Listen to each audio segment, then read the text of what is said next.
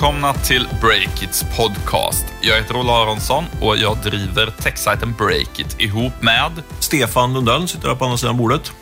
Härligt att du är här med oss i juletid. Eh, I det här avsnittet så ska vi avslöja exakt hur mycket riskkapital som trycktes in i svenska techbolag under 2016. Och så ska vi diskutera varför det blev ett sånt rekordår helt enkelt för eh, riskkapitalet. Och sen ska vi blicka framåt mot 2017 också. Det ska vi göra, men först fem snabba som vi har döpt det här lilla segmentet till. Och jag börjar väl med att rapportera att det svenska ögonstyrningsbolaget 2B får in 458 miljoner kronor i en nyemission.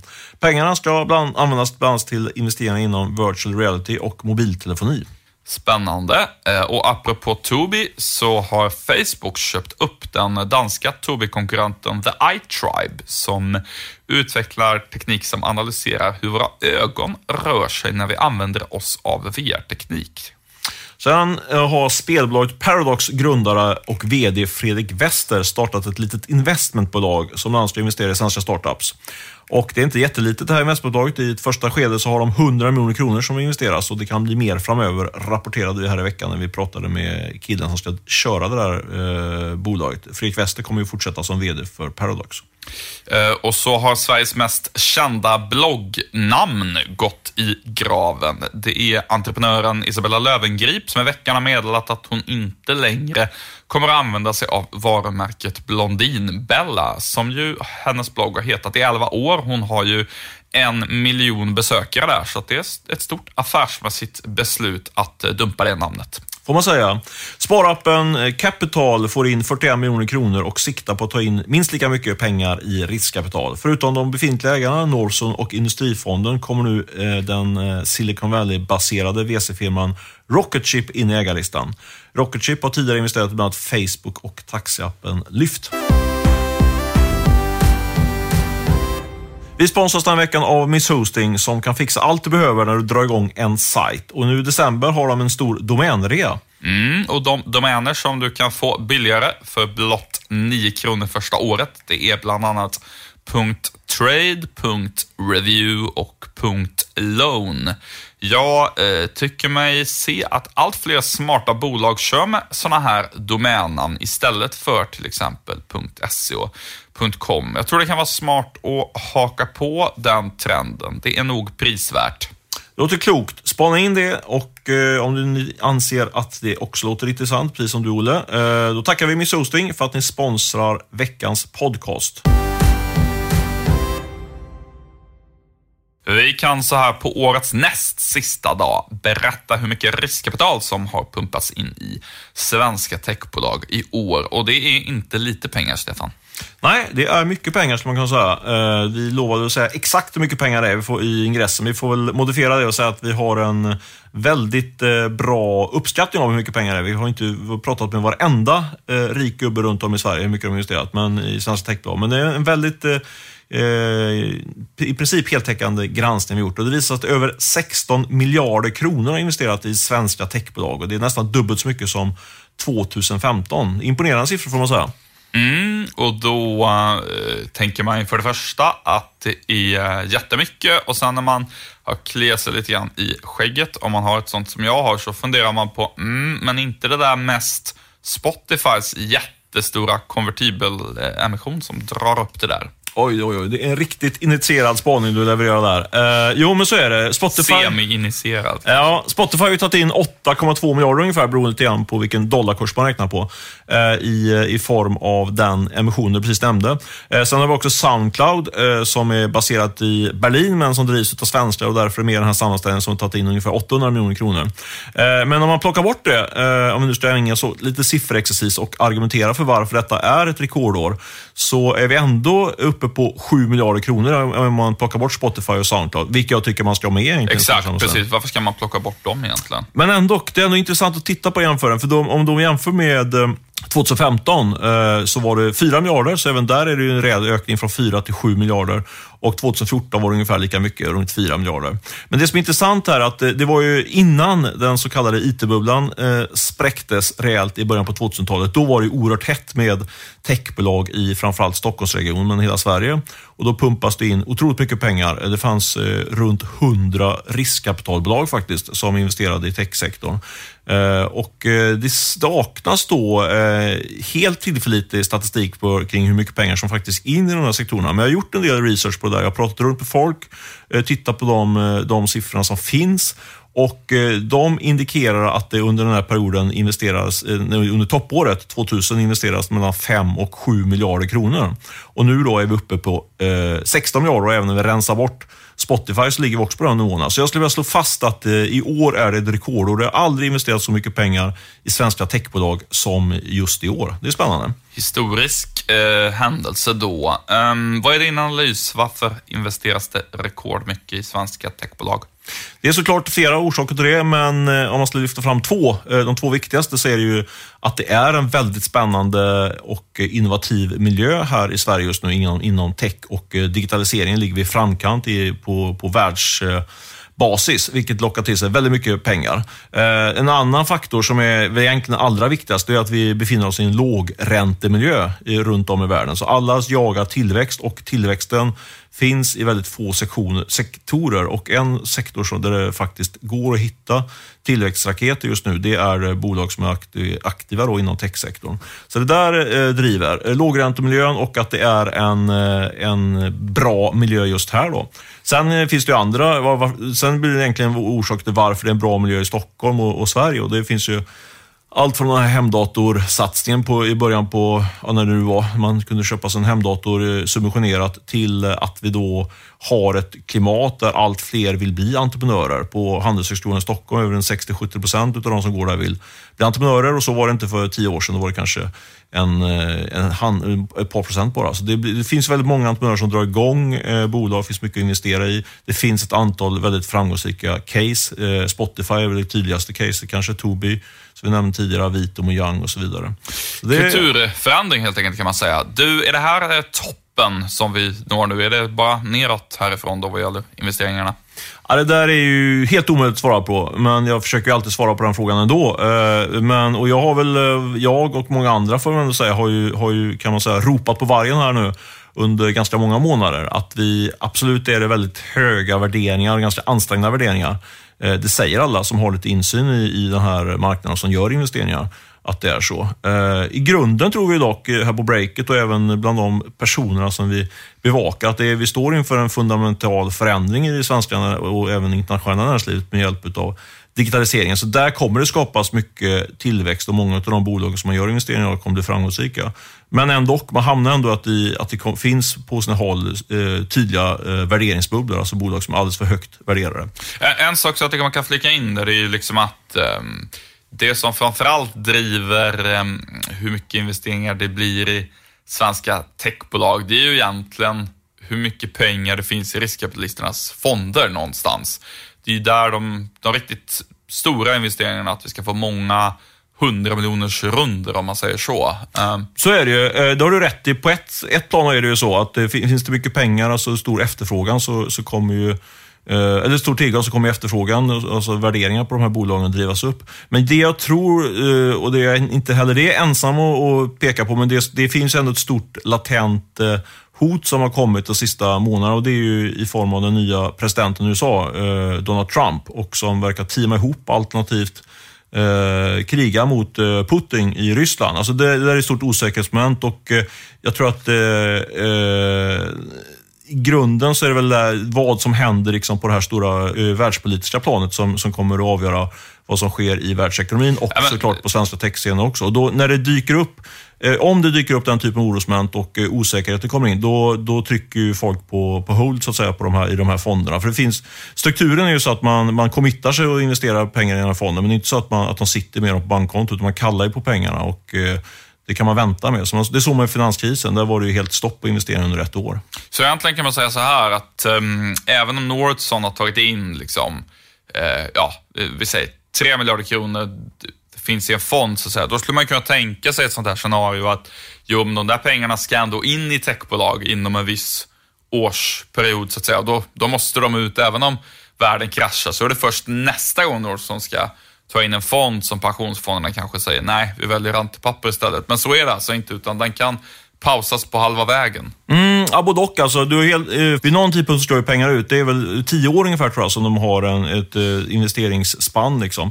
Eh, men däremot, så, eh, intressant alltså just det med, med eh, finanskrisen. För du vet att jag gjorde en kartläggning på hur, hur det gick, för vad eh, riskkapitalbolagen gjorde då. De satt verkligen på på händerna under ett år, gjorde ingen investering. Så man kan ju ta en paus att säga investera, men förr eller senare så måste de ju börja investera pengar. Då brinner, bränner ju pengarna i fickan och då kan det bli en ny skjuts. Men, men det kan verkligen bli boomstopp under ganska lång tid och under, i det fallet då 12 månader. Liksom. Det, ja, eller, precis. Alltså under 12 månader kan ganska många startups gå konkurs, om man säger så. Ja, men exakt. Dags för utblick 2017. Eh, förra året, när vi skulle spå framtiden, så tippade jag att under 2016 så skulle Paypal köpa Klarna. Det har inte hänt. Eh, däremot så fick du till ganska stor del, tycker jag, rätt i att Klarna skulle rädda medierna. Eh, Oj, påstår du det? Den stänger bort själv. Ja, det påstår du. Juryn är fortfarande ute där, men det har ju onekligen gått ganska bra hittills för den prenumerationslösning som de kör eh, ihop med bland annat Dagens Nyheter. De har ju fått in 60 000 digitala prenumeranter där. Eh, sen spådde vi en hel del annat, varav en del blev sant, annat halvsant och en del var helt eh, fullständigt fel. Eh, men det är ju liksom inte det som är det roliga med de här utblickarna, eller hur?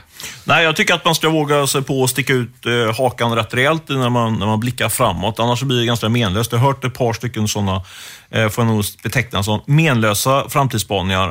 Alltså som inte ger så mycket, som man kan räkna ut själv. Så frågan, ambitionen här är väl lite grann att vi ska sticka ut hakan lite mer och uh, skaka om i era hjärnor, ni som lyssnar på den här podden. Exakt. Vi, vi skulle kunna sitta här och säga att jag tror att AI kommer vara eh, jättehett nästa år, men det känns bara snark. Så därför så kör vi lite mer konkreta och friare spekulationer. Det gör vi. Du, ja, i, i, linje med den inställningen då, om jag ska känna dig på pulsen först. Vad är din första spårdom för 2017? Ja, jag kände precis när jag satt och sa det här att man skulle sticka ut hakan, att det jag, det jag kommer säga nu är ju inte sådär som man, eh, ni kanske inte ramlar av stolen, men eh, ja, vi kör i alla fall. Jag, jag spår, min första spådom är att eh, Eh, telefonboksappen, som jag brukar kalla den, Truecaller, börsnoteras i slutet av året. Eh, det som kommer in här.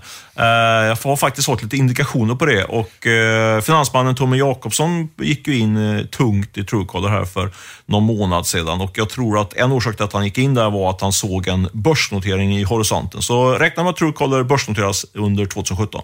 Då kontrar jag med att jag tror att Spotify försöker bli lönsamt i slutet av 2017, men jag tror att de misslyckas och jag tror att de gör det på grund av väldigt tuff konkurrens från Amazon och andra. Ehm, och eh, dålig timing för dem att satsa på lönsamhet helt enkelt, men jag tror att de ändå går till börsen och hittar någon sån här amerikansk bokföringstrix för att få det att se ut som att de nästan eh, är lönsamma ändå. Ehm, men jag tror inte jag tror att marknaden genomskådar det och jag tror att grundarna därför får lite sämre värdering på börsen än vad de egentligen vill ha. Ser vi fram emot, inte sämre värdering, men att Spotify till sist hamnar på börsen så vi får lite bättre insyn i det här bolaget. Eh, då spår jag att Christian Stenbeck, eh, som är huvudägare i, eh, storägare i Kinnevik, drar igång en ny mångmiljardfond inom tech. Eh, och samtidigt så säljer hon av en stor del av sitt innehav i Rocket Internet som tidigare varit eh, kan man säga, Kinneviks informella riskkapitalarm in i techvärlden.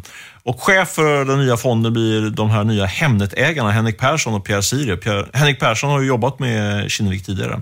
Även det en eh, profetia som jag har eh, så lite halvsubstantiella källor på. Jag har också halvsubstantiella källor på att eh, annonsbolaget eh, Whitespace säljs nästa år. Jaha, spännande. Eh, de har ju kört det där i tio år och nu vill de eh, ju bygga ut teknikdelen mycket mer och bli mer av ett teknikbolag än ett säljbolag. Och blir de ett teknikbolag, då tror jag att det är lite enklare att sälja till eh, en trevlig så kallad multipel, alltså till en högre värdering. Så att det som folk som har bra koll på Whitespace flaggar för det är att de nu är lite sugna på att sälja och det tror jag händer nästa år. Spännande. Det ska vi hoppas vi blir först med att rapportera. Eh, jag tror också att vi ska bli först med att rapportera att finansmannen Mats Kiberg köper loss Göteborgs-Posten ur Stampen-träsket. Det var ju en, en extrem bomb, måste man Ja, det får man säga. Den här är inte, inte lika bra rekad. Men eh, Mats Kiberg köpte in sig i eh, den här finanssajten Realtid för någon vecka sedan och har, efter det har hans Hans högra hand varit ute och snackat om att de ska göra stora investeringar i media och de rekryterar också eh, ganska så eh, aggressivt just nu. Eh, och Jag tror att de som gick in och räddade Stampen eh, för också det för några vecka sedan eller två eh, kanske inte är sugna på att pumpa in så himla mycket mer pengar i, Stampen. Eh, för, men det kommer krävas. Det har man ju, har, kan man ju räkna ut eh, bakvägen så att säga. Eh, så min profetia är Mats Kiber får komma in och bli räddad ängel, köpa ut Göteborgs-Posten och i samma, samma andetag så rekryterar han Johan Hakelius från Fokus. Han har tröttnat på Fokus eh, som aldrig lyfter. Och så tillsammans då med den här väldigt stridbara ledarskribenten Alice Teodorescu. Som redan jobbar på GP, ska vi säga. Ja, absolut. Så kommer de eh, skapa en liten någon form av slags svensk variant av Fox News. Jag tror att det finns en, en lucka på marknaden där mellan mellan eh, etablerade medier och eh, betydligt mer eh, oetablerade medier långt ut på högerkanten. Då säger jag att leveranstjänsten Urbit lägger ner nästa år. Kort och gott, ja det är bra. United Screens och Splay, de två YouTube-nätverken, säger jag då att de kommer fusioneras, de går, går samman. Eh, United Screens är ute på marknaden nu och försöker sälja en del utav, eh, utav eh, bolaget helt enkelt. Eh, men jag tror att det kommer sluta med att de här två går ihop för att det finns rätt stora synergier. Vi ska säga att Splay är ju i praktiken en del av MTG nu, ägarmässigt, så att det är väl det, är ju så att säga, det blir lite som att MTG köper United Screens där, kanske, eller? Kanske, vi får se. Jag har inte fördjupat mig i det. Men Splay och United Screens eh, mergar där på något sätt. Sen hur de löser det eh, internt vet jag inte. Men däremot så kan jag redan nu förutspå att det blir ett storbråk mellan eh, grundaren utav Splay, Viggo Sörman och konstellationen Malte Andreasson, Stina Bergfors som ligger bakom United Screens. De två, två plus en där kommer inte bli tre riktigt, utan jag tror att man kan sluta med att man får ge dem sparken alla, alla tre och sätta in en extern VD. Nattklubbsappen Keyflow lägger ner 2017. Kort och gott. Med, eh, en av ägarna är ju Börje Ekholm. Som ska bli VD på, på Ericsson nu. Exakt. Eh, och vad, vad gäller både Urbit och Keyflow så tror jag helt enkelt att affärsmodellerna inte är tillräckligt bra i förhållande till, till risken i det, kort och gott. Okej, okay. eh, då säger jag slutligen från mitt lilla eh, spådomspopperi eh, eh att eh, innan börsfönstret stängs nu under våren så kommer e-handlaren Boost eh, gå till börsen som första techbolag till börsen. Det kommer bli en eh, värdering på typ sådär 2 miljarder. Det blir en ganska kul pjäs. Ett digert spådomsbatteri, eh, måste man tillstå. Jag eh, vill bara ställa en följdfråga på det där med Mats Kviberg och eh, GP. Eh, long shot förstås, men kan du utveckla varför du tror på det där? Ja, varför tror jag på det? Eh, det är väl eh, som vanligt att man, man lägger ihop, lägger lite pussel då med olika utspel här och, här och var. Jag har fått indikationer på att det ibland på, från näringslivshåll finns en liten hunger på, på att starta upp den här typen av lite mer alternativa mediasatsningar och då passar Mats Kiberg väldigt bra in på den beskrivningen. Eh, och jag tror också, som jag var inne på tidigare, att det finns en, eh, om bortsett från vad man själv har för politiska preferenser, så tror jag det finns ett, eh, ett, en möjlighet helt enkelt att gå och snå åt sig ganska stora läsarskaror om man går in i, i rätt nisch där. Så det är väl ungefär det. I det svenska Fox eh, News-projektet helt enkelt. Ja, men precis. Och Du var inne på tidigare att du tror att eh, det är överskattade affärsmodeller som ligger bakom att Urbit och Keyflow kommer att eh, lägga ner. Men det låter lite dramatiskt. De har rätt mycket pengar fortfarande i kassan. Väl? Så, tror, är, det, är det seriöst när du tror att de kommer lägga ner under nästa år? Ja, men det tror jag faktiskt. Och orsaken till det, det är helt enkelt att eh, från vad jag eh, hör och märker och läser så trots att de har så mycket pengar så har de inte liksom fått en, en vettig eh, ja, så kallad product market fit på det där helt enkelt. Alltså att um, det, det, är en sak att du så att säga, har mycket pengar, men om, om, du märker att du liksom inte kan, eh, ja vad ska man säga, även, även om de, till exempel Urbit, även om de lyckas skala upp det där väldigt mycket så tror jag liksom att det ligger, punkten där det blir lönsamt ligger så väldigt långt bort. Den kritiska massan för det går går nästan inte att se borta vid horisonten om du förstår vad jag menar. Mm. Eh, Så att, vad ska man säga, affärsmodellen i förhållande till den finansiella risken är, det är en dålig kalkyl helt enkelt. Och eh, därför tror jag att till slut så orkar inte de där ägarna med längre, eh, utan säger tack och hej.